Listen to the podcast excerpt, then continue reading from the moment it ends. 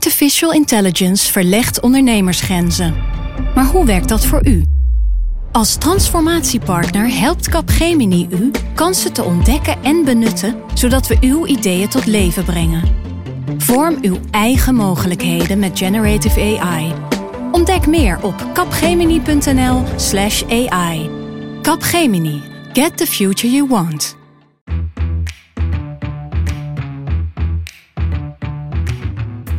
Dit is Haagse Zaken. Mijn naam is Lemia Aharwai. Gemiddelde Nederlandse kiezer heeft bij deze verkiezing tussen bijna 3,5 partijen getwijfeld. We hadden vijf jaar lang, nou, toen nog vier jaar lang, heel hard gewerkt. En de, de rekening die was, was dramatisch. Het liefst zouden we echt alleen maar in de laatste drie dagen campagne voeren. Fijn dat je weer bij ons bent. Emilie van Outeren, Peter de Koning, Thijs Niemand Verliet, die zijn er ook. Welkom allemaal. Hoi. Emilie, waar gaan we het over hebben? We gaan het hebben over het Nationaal Kiezersonderzoek. Dat wordt elke keer gedaan nadat er verkiezingen zijn geweest. Ehm, dan denk je dat is alweer heel lang geleden, maar elf maanden is heel snel om dit onderzoek te publiceren. Het verschijnt deze zaterdag en wij hebben dat als NRC als eerste. En uh, het Nationaal Kiezersonderzoek, vertel me meer. Wie voert dat onderzoek uit? Ja, eigenlijk bijna alle politicologen in Nederland zijn hier wel op een of andere manier uh, bij betrokken. Het wordt getrokken door een politicoloog in Enschede en eentje in Amsterdam. Maar uh, ze hebben, er komt een bundel uit vandaag met onderzoeken, dus verhalen op basis van de data die er zijn van alle politicologen die er in Nederland toe doen. En in opdracht van wie doen ze dat? Ja, dat is uh, natuurlijk wel gesubsidieerd. Uh, Binnenlandse Zaken werkt eraan mee, het SCP werkt eraan mee. Ze werken met data van het Centraal Bureau voor de Statistiek. Dus dat wordt best uh, breed gedragen. En het is gewoon een onderzoek wat we landelijk laten doen, omdat we willen weten. Ja, niet alleen wat mensen gestemd hebben, dat weten we sinds 15 maart. Maar waarom ze gestemd hebben, of hun voorkeur verandert, of hun vertrouwen verandert, wat hun beslissing bepaalt, wanneer ze die bepalen. En toen ik in Den Haag kwam, heb ik veel gehad aan het onderzoek van 2012. Want het was uh, niet zo heel lang voordat ik hier kwam werken, was dat er. Dus na die verkiezingen vorig jaar ben ik na een paar maanden gaan bellen van... hé hey jongens, Wanneer komen jullie met dat onderzoek? Ik ben gewoon nieuwsgierig of trends zich doorzetten. En ook wat we aan nieuwe ontwikkelingen zien in electoraal gedrag. Ja, want dit gebeurt wel voor duidelijkheid alleen na Tweede Kamerverkiezingen. Hè? Nee, er zijn ook uh, kiezersonderzoeken, maar veel kleinschaliger. Na kale verkiezingen, mm -hmm. maar ook zelfs bijvoorbeeld na een referendum. Wordt er ook, wordt er ook geënquêteerd onder kiezers van wat heb je gestemd en waarom. En wat is je profiel? Want we kijken dan bijvoorbeeld naar geslacht of naar opleiding. Of ja. En ik neem aan, het is gewoon een representatief onderzoek. Want het CBS bemoeit zich er ook mee, heb ik begrepen. Ja, die doen de steekproef om te zorgen dat dat uh, representatief is onder 2800 mensen. En ik sprak deze week Tom van der Meer, dat is een hoogleraar politicologie in Amsterdam, die dit onderzoek geleid heeft, die dit project leidt. En ik zei, wat doe je dan? Hoe kom je dan aan mensen die niet zo happig zijn om mee te werken aan mm -hmm. dit soort onderzoeken? Dat zijn misschien wel dezelfde mensen die uh, niet zo happig zijn om te stemmen of aan andere kiezersparticipatie mee te doen. En hij vertelde dus dat ze, nou, ze sturen brieven, ze sturen enquêtes, maar ze bellen.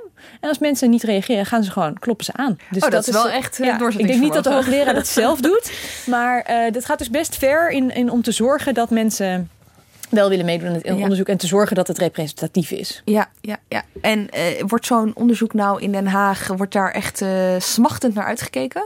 Dat weet ik niet. Ik, denk, ik weet wel dat ze hieruit citeren, dat ze dit gebruiken, ook in een strategie voor een volgende campagne bijvoorbeeld. Maar het is natuurlijk zo dat dit voor ons vooral heel fijn is, want dit is openbaar onderzoek. Ja. Partijen doen hun eigen achterbanonderzoek, maar daar zijn ze heel geheimzinnig over.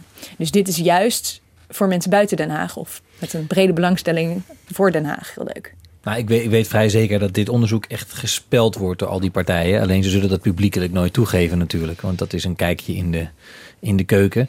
Uh, maar ze zitten er allemaal, zeker die grote partijen, die uh, nou, relatief grote partijen dan, die ook tijd en geld hebben om ja. beter research te doen, die zullen dit allemaal zeer nauwkeurig bestuderen en daar allerlei tactische en strategische consequenties aan verbinden. Dus uh, reken maar dat er wat uh, partijfunctionarissen de komende weken tot zeggen, in de late goud. uurtjes Ja. uh, zitten te studeren op al deze data. Ja. ja, want niet alleen er komen dus er komt een bundel uit met allerlei hoofdstukken over verschillende onderwerpen, maar ook alle data zijn openbaar. Dus dit, Oh. ook, ook in de komende maanden, jaren zal hier nog, zullen hier nog wetenschappelijke publicaties over verschijnen, maar kan dus ook intern bij partijen of voor ons als journalisten is het ook een goudmijn om nog naar specifieke dingen te zoeken. Ik kan me zo voorstellen dat als je als partij eh, heel wat zetels hebt ingeleverd de afgelopen verkiezingen, ik noem maar wat, 29, de PvdA, dat je dan denkt, hier, dit onderzoek kan mij meer vertellen over wat er aan de hand is, los van al die eigen onderzoeken die ze hebben gedaan.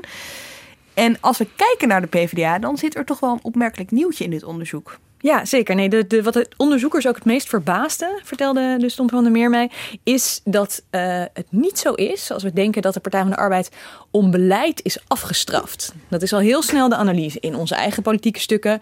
In het wonderlijk rapport van de Partij van de Arbeid zelf is natuurlijk de kiezer heeft ons bestraft omdat we met de VVD impopulair beleid gemaakt hebben en onverklaarbare compromissen gesloten hebben.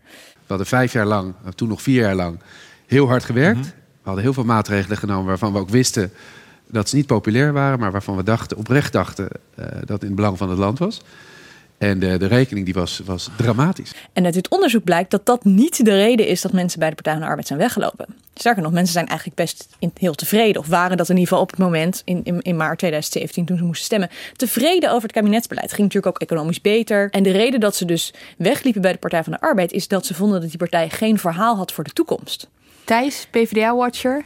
Ja, wat is hier aan de hand? Ja, dit is uh, buitengewoon interessant, vind ik. Want uh, ja, dit is eigenlijk voor de PvdA valt hier hun hele verklaring voor die historische nederlaag in duigen. Want ze konden natuurlijk altijd zeggen van ja, kijk, het is natuurlijk verschrikkelijk wat er gebeurd is, maar we hebben gedaan wat goed was voor het land. We hebben in een moeilijke tijd met een, onze politieke tegenstander uh, hebben we geregeerd. Ja, en kiezers hebben dat onvoldoende begrepen, want we hebben dat onvoldoende uit kunnen leggen. En hier als ik het goed begrijp, blijkt uit die data van het kiesonderzoek dat mensen gewoon zoiets hadden van ja, maar jullie hebben gewoon geen goed verhaal verteld in de campagne. Jullie kunnen, we, we hebben geen idee waar jullie voor staan en waarop we stemmen. En dat is natuurlijk wel heel pijnlijk voor de Partij van de Arbeid. Ook omdat ze zich er dus niet meer achter kunnen verschuilen. Want hoe pijnlijk het ook is hè, dat je zegt: ik ben afgestraft door de kiezer. Want. Maar het land is er wel een stuk beter op geworden. Dat is natuurlijk ook iets waar je een beetje achter kunt verschuilen. Ja, er zit, er zit eigenlijk iets heroïs in daar nog altijd. Ja, hè? En, en nu ligt het ineens aan jezelf. Dat, dat valt weg. Het, het legt ook weer het verschil in interpretatie bloot tussen kamp Ascher en kamp Samsom. Want uh, kijk, vanuit de Ascher is eigenlijk altijd gezegd na de verkiezingen: ja, kijk, deze campagne viel niet meer te winnen. We stonden eigenlijk bij het begin van de campagne al op achterstand. En ik kon hoog springen, ik kon laag springen. Uh, verlies zat erin. Uh, we hadden eigenlijk heel weinig tijd daarna. Inderdaad, december gekozen, in maart waren de verkiezingen. En wij stonden er toen al heel slecht voor in de, in de peiling. Dus ik dacht, het is spannend, maar we gaan er tegenaan. Samson heeft altijd gezegd, in ieder geval naderhand in een interview wat wij met hem hadden in NRC. Nou ja, het was duidelijk dat we zouden gaan verliezen. Maar dat we zo verschrikkelijk zouden verliezen, echt die 29 zetels, dat was niet iets wat vaststond van tevoren. En ja, Samson had zelf ook een rekensommetje van, nou ja, hè, kiezers die er, er sowieso gratis bij hadden gekregen in 2012, die eraf vielen. En dan min zoveel zetels voor regeren met de VVD. En die kwam zelf uit op 18 zetels. En dat suggereert natuurlijk eigenlijk dat er gewoon een slechte campagne gevoerd is door Asscher. Die alle kanten heen ging. En, uh, en in feite zou je kunnen zeggen dat Samsung hiermee gelijk heeft gekregen. En dat de redenering van het lag niet aan de campagne, want we konden sowieso niet meer winnen die vanuit Asje verteld wordt, dat dat toch niet klopt. Je zou ook kunnen denken dat het onverstandig is geweest om de man die vanuit de Kamer altijd het kabinetsbeleid verdedigd heeft en het regeerakkoord van 2012 heeft gesloten. En de man die in dat kabinet Rutte 2 zat, tegen elkaar te positioneren en vervolgens dus, nou ja, met Ascher dan uh, die campagne in te gaan. Dat dat al heel onverstandig was, omdat het allebei twee mensen waren die aan het verleden verbonden waren. In plaats van iemand die vooruit kon kijken. Dat was ook juist waar de Partij van de Arbeid steeds twee strijd mee wist te ontlokken in andere verkiezingscampagnes. Twee strijd die in 2017 niet ontstond. Was met mensen die met een soort nieuw verhaal, elan, ja, met Den Haag kwamen bestormen. Je had kunnen zeggen, jongens, ja, sorry, ik was er niet bij. Maar uh, in ieder geval met mij aan de leiding gaan we het, uh, gaan we het heel anders doen. doen. Maar nog, nog los van de inhoud kun je misschien zeggen dat die hele tweestrijd die zij toen hebben gevoerd, uh, voor de kiezers in elk geval, het, het, aan de kiezers het idee gaf dat ze geen verhaal aan het vertellen waren, maar met elkaar bezig waren. Ja. Dus dat er kennelijk behoefte was aan een verhaal van de PvdA. En ondertussen waren zij bezig met, met zichzelf. Ja, ze hebben zelf daar een denkfout gemaakt eigenlijk. Hè? Terwijl ze zelf een partij zijn die altijd zeggen... ja, het gaat om de inhoud. En we ja. zijn soms misschien zelfs te inhoudelijk... Hè? En te weinig politiek geraffineerd.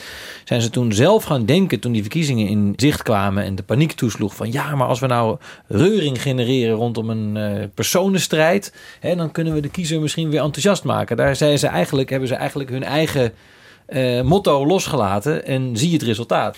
Betekent dit, want Emilie, je had het net al eventjes over het eigen rapport, hè, dat ze schreven na die verkiezingen waarom alles zo mis was gegaan. Daar was dit dus een van de redenen voor. We zijn afgestraft voor ons eigen beleid. Thijs, betekent dit dat we nu het zoveelste onderzoeksrapport van de PvdA kunnen verwachten? Of laten ze dit gewoon aan zich voorbij gaan? Dus een onder, dat een onderzoek komt naar waarom het vorige onderzoek niet deugde. Ja. Nee, ik denk Nou, dat helpt echt in het beeld dat de partij met zichzelf Ja. bezig Er is. staat overigens nog wel in het onderzoeksrapport van, van Paul de Pla was dat, eh, dat vorig jaar verscheen. Er staat wel één interessante passage en dat gaat over eh, de ambivalente houding die de PvdA heeft tegenover regeren. Want hij heeft een interessant stukje, schrijft hij, en dan zegt hij... ja, iedereen zegt nu tegen elkaar, we zijn te veel regeringspartij geworden... te veel het compromis gaan verdedigen, te weinig eigen geluid. Maar eigenlijk, als je naar de PvdA kijkt... is die partij misschien wel te weinig regeringspartij. Want wat gebeurt er? De PvdA gaat regeren... En volgens is iedereen ongelukkig en ontevreden en gaat een beetje afstand ervan nemen. En zegt eigenlijk op die manier tegen de kiezer van... jongens, nou ja, eh, we doen dit wel, maar eh, we staan er zelf ook niet achter. En hij zegt eigenlijk is de PvdA een soort oppositiepartij... die bestuurders levert, die bewindspersonen levert. En juist die ambivalente houding Ja. heeft voor, ook voor een groot deel voor die nederlaag gezorgd. Eh, dus misschien dat ze daar nog een les uit zouden kunnen trekken. Van nou, de volgende keer dat we in een kabinet sta- stappen, laten we dan maar gewoon even echt vol overtuiging doen. En niet vier jaar lang, eh, zoals Samson het zelf formuleerde, huilend in een hoek gaan liggen. Wat zegt dit eigenlijk over de juniorpartijen die nu met de VVD regeren? Wat kunnen die hiervan leren? Ja, de, de, de- uit het onderzoek blijkt iets wat we, wat we al langer weten, maar wat nu wel echt steeds extremer wordt. Dat je als tweede partij, eh, als kleinere partij in een regeringscoalitie, gewoon onwaarschijnlijk klop krijgt. Je eigenlijk altijd verliest. En dat was altijd al zo. En de PvdA is natuurlijk extreem in dit geval. Eh, ja, Maar misschien niet als je een verhaal blijft vertellen en kiezers het gevoel geeft dat je antwoorden hebt voor de toekomst. Nou, en dat is natuurlijk wat je nu wel heel erg ziet in die huidige coalitie met vier partijen. Is dat ze extreem bezig zijn met die drie partijleiders van, eh, van de drie kleinere partijen. Zijn alle drie in de Kamer gebleven. En ook als je met ze praat, je merkt dat ze er ontzettend mee bezig zijn om een herhaling van Diederik Samsom te voorkomen. Die dus werd gezien als soort veertiende minister in de Kamer. En zijn allemaal willen ze voortdurend hun eigen partijpolitieke kleur helder houden. Er zitten meer interessante conclusies in dit, eh, in dit rapport. Laten we kijken naar de trends, Emilie. Want daar had jij het aan het begin over. Hè, dat je dat zo interessant vindt om daar naar te kijken. Een van die trends is de late stemmer.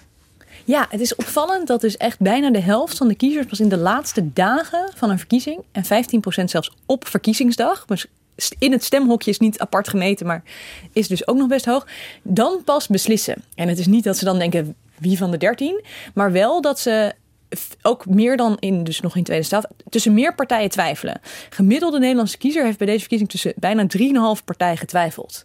En natuurlijk zijn er partijen die op elkaar lijken, zeker omdat we vrijwel geen kiesdrempel hebben, is er he- heel veel om uit te kiezen. Ehm, maar dat toont wel aan dat ook als er geen tweestrijd is, waarbij mensen op het laatst nog misschien strategisch stemmen, dat was dit keer niet zo, eh, we heel laat bes- beslissen en over heel veel twijfelen. Het zijn, dat zijn z- 17 zetels hè, die er op verkiezingsdag nog vergeven worden. Ja, dus 2 blijkbaar. miljoen stemmen waren het nog, begreep Ja, ik. het is eh, ongelooflijk, Dat, nou, ja. dat is de hele Ja. Zo'n beetje, ja. Ja, dat is echt bizar inderdaad. En dat zegt wel ook wat over die campagne. Hè? Dat betekent namelijk, als we het hebben over wat partijen met zo'n eh, met zo'n rapport kunnen... Het betekent dus eigenlijk dat je heel veel moet inzetten aan het einde. Ja. ja, nou dat is natuurlijk ook wel, ik denk, als ik terugkijk, dat, ik, dat de VVD dit ook echt slim gedaan heeft. Misschien nog met, met, met de mazzel van die, wat we de Turkse kwestie noemen, met die minister die hier werd uitgezet. Dat is iets wat overigens wel aan kiezers gevraagd is in het onderzoek. Wat heeft nou uiteindelijk je tipping point eh, bepaald eh, om te gaan stemmen? Maar dat, hebben ze, dat publiceren ze nu nog niet. Dat, wordt nog, dat, dat zijn zo'n open vraag geweest. Daar zijn ze nog mee bezig. Dus wat daar uiteindelijk doorslaggevend in geweest is, weten we niet. Maar ik weet wel van de VVD van vorig jaar dat zij heel vroeg met een campagne begonnen om hun excuses aan te bieden. Dus het sorry-interview van Rutte en zomergasten. Om dat maar achter de rug te hebben en daarna alleen maar naar de toekomst te kijken. En toen eigenlijk niet aan debatten meededen en niet zo wilden totdat het gas er vol op ging in de, in de laatste weken. Dus je kan nu achteraf zeggen dat zij dat eh, nou in ieder geval slimmer gedaan hebben dan hun coalitiepartner. Het is bij de VVD al langer filosofie. Hè? Die, de, dat was in 2012 ook zo. Daar zeiden ze ook van... eh, het liefst zouden we echt alleen maar in de laatste drie dagen een campagne voeren. Zouden we al ons geld, ik geloof dat ze een miljoen hadden voor die campagne... eh, al ons geld in die laatste drie dagen stoppen en voor die tijd helemaal niks... Nou, dat kan natuurlijk niet, want je moet gewoon ook Ja. een beetje jezelf laten zien. Eh, maar ja, het is natuurlijk niet voor niets dat Rutte eh, aan een heel groot aantal debatten in het begin gewoon niet meegedaan heeft. Ik zit nu hard op te denken, maar die gemeenteraadsverkiezingen die komen eraan. En er gebeurt daar nu natuurlijk ook nog vrij weinig. Het is over vijf weken. Gemeente, zijn de gemeenteraadsverkiezingen? Vier Vier weken. weken. Ja, Ja. Ja, en er gebeurt natuurlijk nog weinig. Dus misschien is dat dit keer ook wel Nou, de let maar op en reken maar dat Rutte pas in die laatste week echt tevoorschijn komt. Ja, en dat betekent dat de druk op dat allerlaatste debat nog steeds groter wordt. Hè? Ja, Als dit besef doordringt van het komt echt op die allerlaatste twee dagen aan, of de laatste dag, dan moet je het echt en wel de heel debat goed op dinsdagavond Ja, voor de verkiezingen. Ja. En daar ben ik dus ook wel heel nieuwsgierig in, wat helaas nog niet hierin zit, is dat we dus niet weten wat mensen nou uiteindelijk heeft doen bepalen. De vraag is ook of mensen dat zelf weten. Of je nog weet dat je in het stemhokje dacht, toen je toch maar Rutte stemde, dacht aan die Turkse kwestie, of leiderschap in het algemeen, of dat laatste debat. Dat is natuurlijk ook heel moeilijk te meten, zelfs als je dus zoveel mensen het persoonlijk kan vragen. Maar wat ik wel interessant vond, wat ik ook voorbij zag komen, is dat bij die late beslissers de persoon van de lijsttrekker geen bovenmatig grote rol speelt. Hè? Dat is ook een beetje contra-intuïtief. Want wij zeggen in Den Haag ook altijd van ja, het gaat allemaal om personen en zo. De maar- poppetjes. de poppetjes, maar als je naar die data kijkt, dan is dat helemaal niet eh, per er se worden- doorslaggevend. Er worden allerlei aannames over late stemmers ontkracht in het onderzoek. De late stemmer is niet echt meer, minder geïnteresseerd. De late stemmer laat zich niet meer leiden door inderdaad eh, de kopstukken. Eh, die is even, misschien wel soms wel meer geïnteresseerd, maar heeft, voelt dat hij zoveel keuze heeft dat hij pas heel laat kan beslissen. Ja. Ander punt, Petra. Dit rapport biedt ook kansen. En een van die kansen is een gat op links. Om precies te zijn conservatief links. Dus economisch links, cultureel conservatief. Ik denk dan, dat is toch de SP?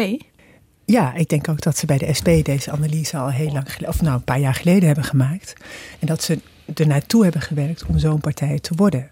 Weet je, Ron Meijer is eh, twee jaar geleden voorzitter geworden. En die heeft dit volgens mij al heel, heel vroeg bedacht. Dat de partij een ander imago moet gaan krijgen. En ook gewoon thema's zich eigen moet maken die nu al- als rechts worden gezien.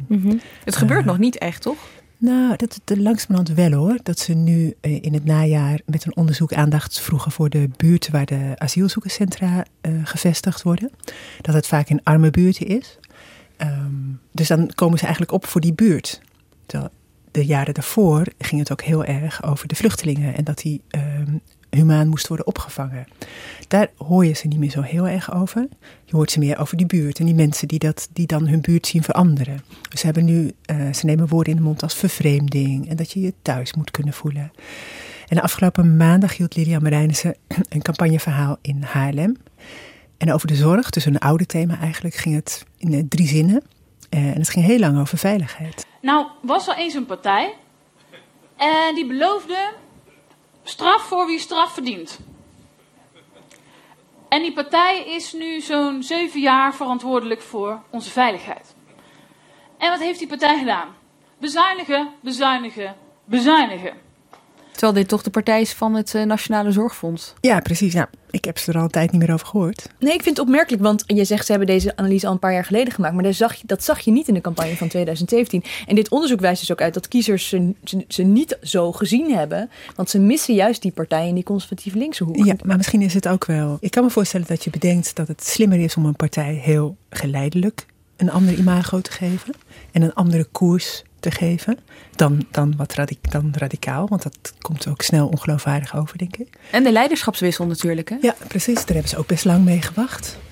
Ze hebben ook met een kader te maken natuurlijk. Hè? Want dat hoor je ook bij de SP. Van ja, eh, we willen natuurlijk ook veel meer conservatief culturele geluiden laten horen over migratie, et cetera. Eh, over, ook over identiteit. Alleen ja, als we dat patsboom gaan doen, dan, dan, gaan allerlei mensen die actief zijn in de partij. Want er zitten wel veel mensen daar nog in het kader, een beetje op de lijn van Sh- Sharon Gesthuizen, De het Kamerlid zelf dat afgezwaaide Kamerlid dat ook partijvoorzitter wilde worden ooit. Heel erg pro-vluchtelingen. Eh, ja, en die mensen raken ze ook weer aan, die, die gaan er aan de andere kant dan weer af. Dus ik, ik begrijp heel goed dat ze dat stapje voor stapje Ja. doen. Maar aan de andere kant, het is wel een oude ideologie die ze afstoffen, toch? Ja hoor, zo kun je dat ook zien. Nou, het is Ja. wel een beetje ook, een- denk ik, terug naar hoe de SP was. Ehm, die zijn natuurlijk is begonnen als, als protestpartij en kritisch over migratie. En ook bijvoorbeeld EU en NAVO, daar hoor ik ze nu eigenlijk niet over. Maar daar waren ze natuurlijk eerst kritisch over en toen een beetje stil. Eh, Tom van der Meer zei dat hij het nog niet zo heel erg zag, de verschuiving bij de SP. Dat hij het nog te vroeg vond om naar iets, eh, ja, om die draai te zien. Eh, maar hij zei, volgens mij is die partij een beetje klem tussen wat ze willen en wat ze denken dat strategisch handig is. Dus dat dan misschien die achterban die wil heel open zijn voor vluchtelingen, maar strategisch zien ze wel die blinde vlek in het spectrum van, van conservatief links? Nee, dat denk ik niet. Ik denk eerder dat ze, wat, wat Thijs zei, dat ze rekening houden met hun achterban, met hun actieve leden, uh, die gewend zijn geraakt aan een ander verhaal. En dat die, dat die moeten worden meegenomen, om het zo te zeggen, in dat andere verhaal. Dat eigenlijk ook wel een oud verhaal is, dat je, uh, waar Jan Marijnissen vroeger ook mee kwam. Precies. Die kwam ook op voor die, die uh, witte arbeider in arme buurten. En, en dat is wat ze eigenlijk weer doen. Alle, ze zeggen niet uh, erbij dat het witte arbeiders zijn. Het zijn ook zwarte arbeiders. En weet je, het heeft geen kleur, de kiezer voor wie ze opkomen. Maar ik denk dat de top van de SP wel dit wil. Dat ze wel echt het linkse, cultureel-conservatieve verhaal willen vertellen. Ik niet, niet alleen dat, omdat ze dit soort onderzoeken zien en denken dat is waar, de, waar het gat in de markt dat zit. Dat speelt vast ook mee, maar ik denk ook wel dat, dat ze hierin uh, geloven. Dat dit de manier is om de SP weer groot te maken. En dat dit ook is dat ze opkomen voor de kiezers voor wie zij horen op te komen als SP. En is dat zorgfonds dan een soort rare hobbel geweest die ze moesten nemen? Want het past niet.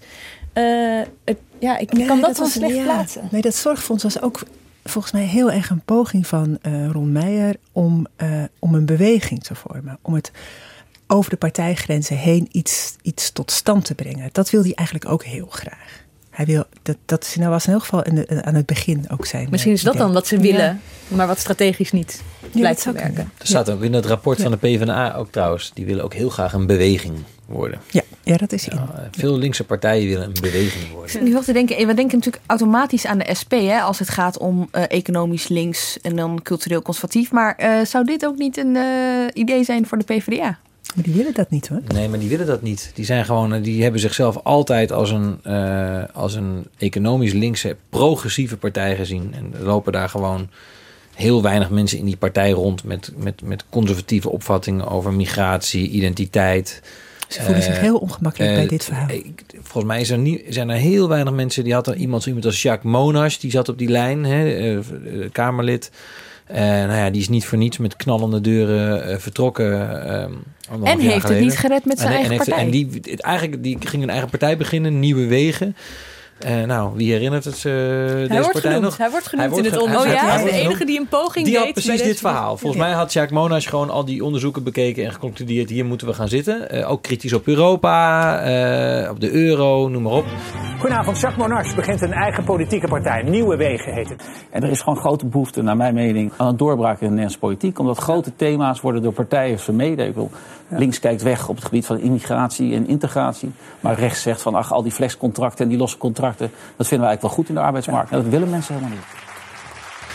Nou ja, dat, dat was natuurlijk. Dat, dat, die heeft volgens mij 600 stemmen gekregen of zo. Dat maar was het. hij wordt dus wel genoemd Ja, als de partij nou, die de hij wordt genoemd heeft. als, eh, weet je, er, er wordt natuurlijk omschreven waarom dat gat er is. Sommige mensen denken namelijk dat de PVV uh, uh, wel ook links-conservatief is, economisch links, uh, cultureel Ja. conservatief. Maar die onderzoekers zeggen nee, dat is gewoon, als je kijkt naar stemgedrag en zo, dan, is, dan zijn ze echt wel een rechtse partij.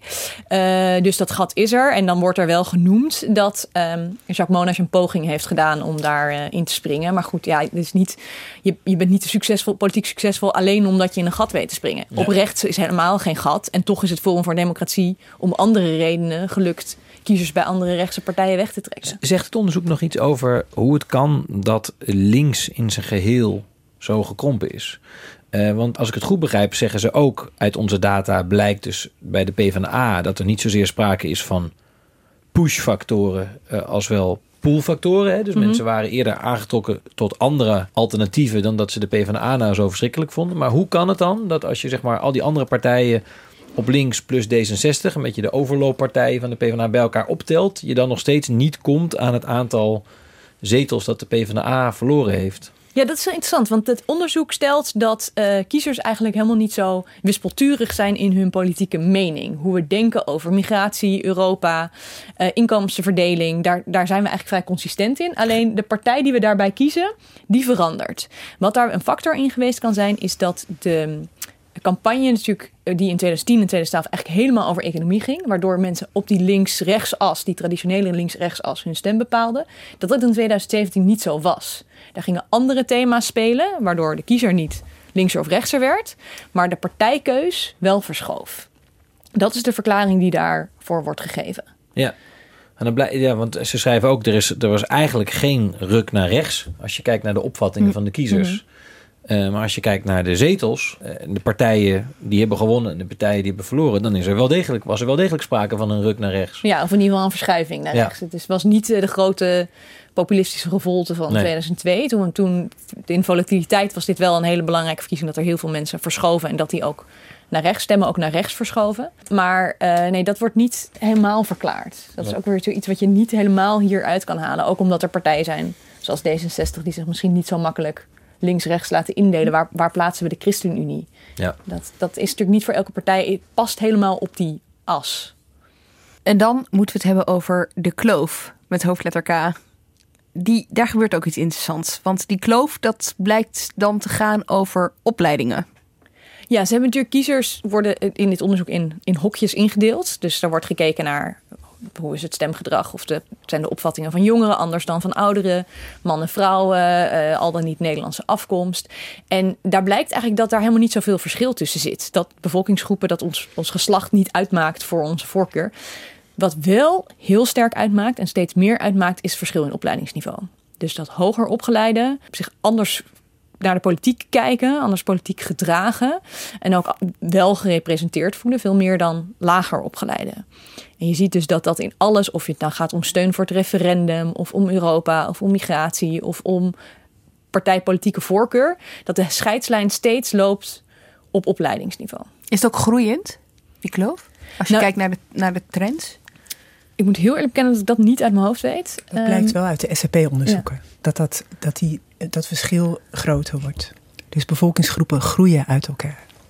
Eh, als je kijkt naar opleidingsniveau en vertrouwen dat ze hebben in, eh, in de wereld om zich heen. Ja. Het is ook maatschappelijk, hè? netwerken, vriendschappen, huwelijken het worden steeds meer, dat, dat vormt zich ook steeds meer naar opleidingsniveau. Eh, dus je ziet dat de afstand tussen die twee groepen gewoon groter wordt. Dus minder En, verbindende en ook ge- eh, vertrouwen in politiek stelsel hè? Eh, als geheel. Hoger bij hoger opgeleide, lager bij opgeleide, lager opgeleide. Ja, zeker. Niet alleen in het stelsel, maar ook in politici aan zich zijn ze Ja. te vertrouwen. ehm, En eh, ook in, sprak- als het over directe democratie gaat, vond ik ook interessant. Dus lager opgeleide zijn fan van het referendum, om het maar even heel kort door Mhm. de bocht te zeggen. Hoger opgeleide, die, zien, die vinden het, zien het referendum, sinds het Oekraïne-referendum, eigenlijk helemaal Eng. niks meer. En eng. En die willen dan van die dingen als eh, nou ja, burgerparticipatie, eh, van die G1000-avonden. Nou, niemand wil die graag, volgens Oh. mij. Ik bedoel, als je kijkt naar het onderzoek, dan zijn er een paar, eh, wat we dan eh, staatkundige hervormingen noemen, zijn populair. Het, het, eh, kiezers willen het liefst zetelroof aanpakken, maar liefst 70% vindt dat dat niet mogelijk zou moeten zijn. Dus afsplitsingen en ja, dan die afsplitsingen, mensen die er met een zetel dan vandoor gaan, die blijven zitten. Hoewel ze tegelijkertijd ook weer vinden dat mensen onafhankelijker van hun fractie zouden moeten kunnen stemmen. Dus dat is, dat is ingewikkeld. Waarom gaat dat tegen elkaar in? Nou, als je dus eh, mensen meer vrijheid geeft in hun fractie. En we hebben dat, kijken daar natuurlijk nu met de bril van. Het zijn maar 76 Kamerleden Ja. van de coalitie. Als je ze meer vrijheid geeft, of zelfs maximale, maximale vrijheid geeft. eh, op een gegeven moment wordt dat onhoudbaar voor een partij. En, en het enige effect kan dan zijn iemand eruit zetten. en ook meteen uit de Kamer Ja. verbannen. Maar goed, het referendum is populair. Ook de kiesdrempel is overigens populair. Wat wel weer grappig is, want aan de- anderzijds is het vertrouwen in ons stelsel ook hoog. Juist omdat het zo'n representatieve democratie is. Maar het is niet zozeer dat nou dat loterijen en G1000 en participatie, right to challenge, dat soort dingen zijn helemaal niet zo heel populair. Maar je ziet wel, die kritiek lees je hierin, en daar zijn veel politieke logen ook wel open over, dat als je dat referendum afschaft, wat nu, wat nu gebeurt, dat je dan dat toch al mindere vertrouwen onder laag opgeleiden, dat je dat nog verder tempert. Omdat wat je er tegenover stelt aan participatie, daar doen eigenlijk alleen hoger opgeleiden aan mee. Verkiezingen zijn het meest eh, egalitaire, daar doen lager opgeleiden wel iets minder aan mee. Ook zeker bij jongeren is dat nog wel eh, significant lager. Eh, referenda zou je denken, oh, als laag opgeleid dat willen, dan zijn dat ook degenen die daar massaal voor opkomen. Dat is niet zo. Bij het referendum, Oekraïne-referendum hebben, meer hoog, of hebben re- relatief meer hoger opgeleiden dan lager opgeleiden gestemd. Maar als je gaat kijken naar inspraak eh, of, of lidmaatschap van een politieke partij, al dat soort dingen, dat is echt ja, voor de elite. Ja, Eh, en als je die kloof niet nog verder wil vergroten, is het, en dat is meer een standpunt dan, dit onderzoek, dan onderzoek, dan is het niet verstandig om het referendum af te schaffen. Die Te laag- laat, helaas. Ja, ik wil zeggen. Eh, die lager opgeleiden, hè, die voelen zich dus niet vertegenwoordigd. Ehm, waarom is dat een probleem? Nou, als je een heel deel van de bevolking kwijtraakt, eh, dat als ze niet meer geloven in, in waar jij mee bezig bent, dat is een probleem. En als ze, als ze zoeken naar partijen die ehm, met eenvoudige antwoorden komen, en je ziet dat gebeuren als eh, middenpartij, dan is dat natuurlijk een zorg. Je zei het al, hè? het SCP, het w, de WRR, die doet er ook wel eens onderzoek eh, naar. Kun je daar, kun je daar iets meer over vertellen? Nou, een paar jaar geleden uh, zijn de Wetenschappelijke Raad voor het Regeringsbeleid en het SCP, het Sociaal en Cultureel Planbureau, samen met een rapport gekomen over die gescheiden werelden die je steeds meer ziet. Dat mensen elkaar steeds minder tegenkomen. Het laag en hoog opgeleide vroeger nog wel um, uh, samen de dienstplicht deden, mm -hmm. of naar de kerk gingen, of samen op, op de voetbalclub zaten. Dat het, dat het steeds minder is. Dat betekent ook dat je, dat je dus steeds minder een andere mening hoort of, of ziet. Weet je? Dat je steeds dat je voortdurend je, je eigen mening bevestigd kunt krijgen. Als je steeds meer je opsluit in je eigen wereld. De elite is dat ook gaan doen, namelijk. Die zijn zich steeds meer in hun eigen wereld gaan terugtrekken. Dan is het voor uh, politieke partijen, denk ik, steeds moeilijker om iets te doen wat goed is voor heel Nederland, naar hun eigen idee. Dat je ze allemaal bij elkaar krijgt, een, een kant op. Ja, en politici zijn over het algemeen zelf hoog opgeleid.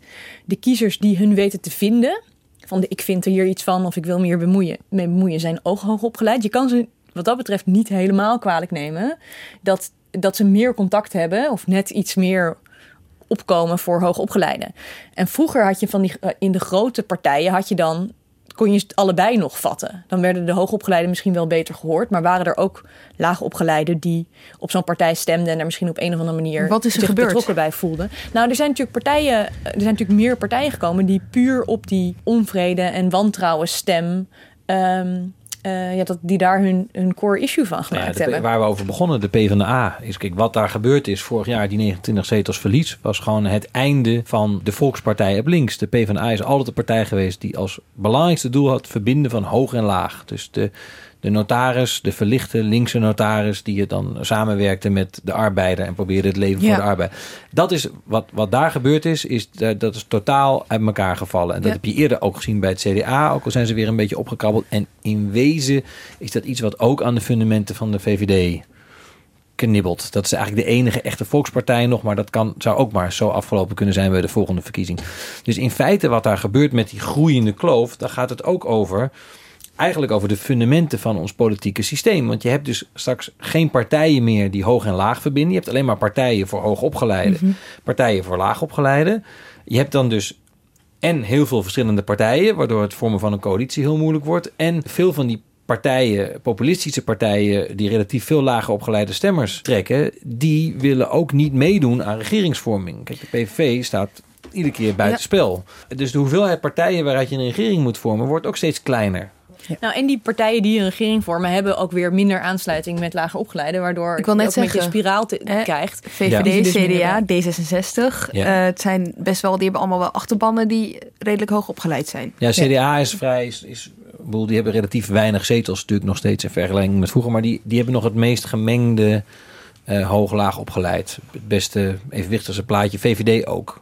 Ehm, In de kabinetsformatie is het daar ook heel veel over gegaan. De hè? foto van Nederland. Ja, ook al toen GroenLinks nog aan tafel zat met het CDA, D66 en de VVD. Eh, Kim Putters van het Sociaal en Cultureel Planbureau is een paar keer langs geweest ook. Het is niet eerder voorgekomen dat de directeur van het SCP zo vaak langskwam in de kabinetsformatie. Dus ze hebben er veel over nagedacht. Weet je? Hoe houden we ook die, die laag opgeleide mensen erbij die ons niet vertrouwen? Maar dan is het toch Maar- absurd dat in dat regeerakkoord staat dat je het referendum gaat afschaffen als je dit leest. het bijzondere is dus dat ze er wel heel druk mee zijn geweest. En wat heeft tot nu toe heel veel aandacht getrokken? Eh, de afschaffing van de dividendbelasting. Dus voor de, voor de rijke, rijke bovenlaag. Ja.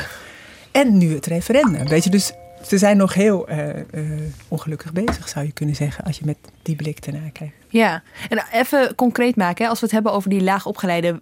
Waarin vinden zij zichzelf niet terug? Is dat echt, is dat idee, is dat taalgebruik, is dat, wat is het eigenlijk? Want, want iemand die hoog opgeleid is, kan prima iemand die laag opgeleid is, eh, opgeleid is vertegenwoordigen eigenlijk. Nou, Eén statistiekje daarin is bijvoorbeeld dat kiezers is gevraagd: heb je het idee dat partijen vooral hun eh, kiezers vertegenwoordigen of vooral hun leden? En juist eh, onder die laag opgeleide groep komt dan naar voren: ja, we hebben eigenlijk het idee dat ze er meer zijn voor hun leden en ik hoor daar niet bij. Eh, Dan voor, hun, dan voor al hun kiezers, laat staan voor alle Nederlanders. Ja. Zijn er nog meer conclusies die jou zijn opgevallen? Nou, één ding vond ik heel leuk, ook om op een, op een positieve noot te eindigen. Dat was iets wat er ook al was opgevallen, maar wat nu ook nog eens een keer eh, blijkt uit die data. is dat het eigenlijk uh, hele uh, fantastische democratische verkiezingen waren. In de zin van er was geen horse race, zoals uh, die de vier jaar daarvoor tussen Rutte en Samson. Mm -hmm. Dat betekent dat er dus ook minder strategisch gestemd is. En dat eigenlijk veel meer mensen gewoon echt hebben gestemd op de partij die inhoudelijk het dichtst bij hun stond. En niet om een andere partij buiten de regering te houden. Uh, en daarbij was het ook nog zo dat er een heel hoog opkomstpercentage ja. was. Opkomstpercentage lag echt uh, 5% hoger bijna dan, dan vier jaar daarvoor. Dus ja, ondanks alle moeilijkheden die het heeft opgeleverd qua regeerbaarheid, uh, kan je volgens mij op basis van die verkiezingen van vorig jaar wel concluderen dat de democratie nog steeds springlevend is.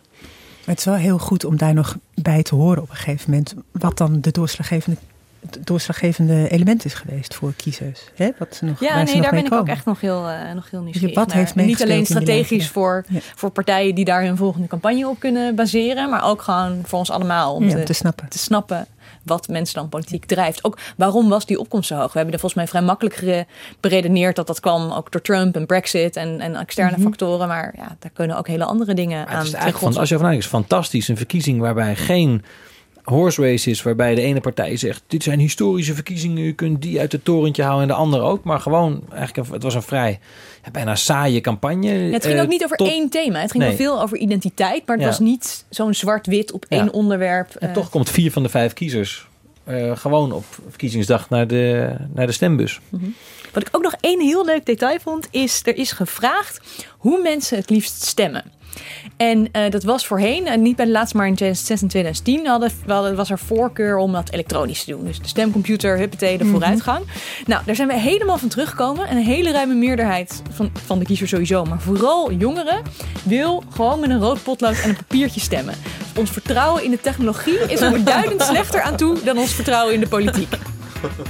Ja, overheid en technologie heeft zich de laatste tijd ook niet echt bewezen als iets heel erg. eh. Oké, dank jullie wel. Petra de Koning, Emilie van Outeren en Thijs Niemands Verdriet. En dank ook voor het luisteren. Ben je nou heel benieuwd geworden naar al die data van het Nationaal Kiezersonderzoek? Check dan nrc.nl, zoek bovenin naar kiezersonderzoek.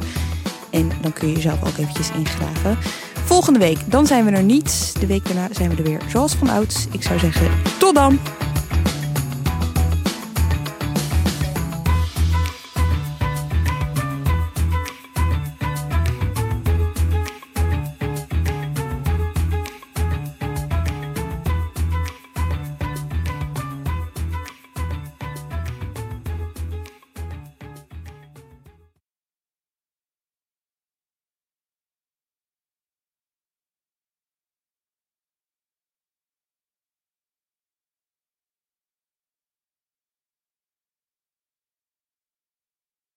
Wat weet ik eigenlijk van die nieuwe leverancier? Ik heb die spullen wel echt nodig. Gaat hij straks wel leveren? Ik weet niet eens hoe lang die bestaat. Weten met wie je wel of niet veilig zaken kunt doen? Check kvk.nl voor belangrijke ondernemerskennis. Zoals info over een nieuwe handelspartner. KVK, hou vast voor ondernemers.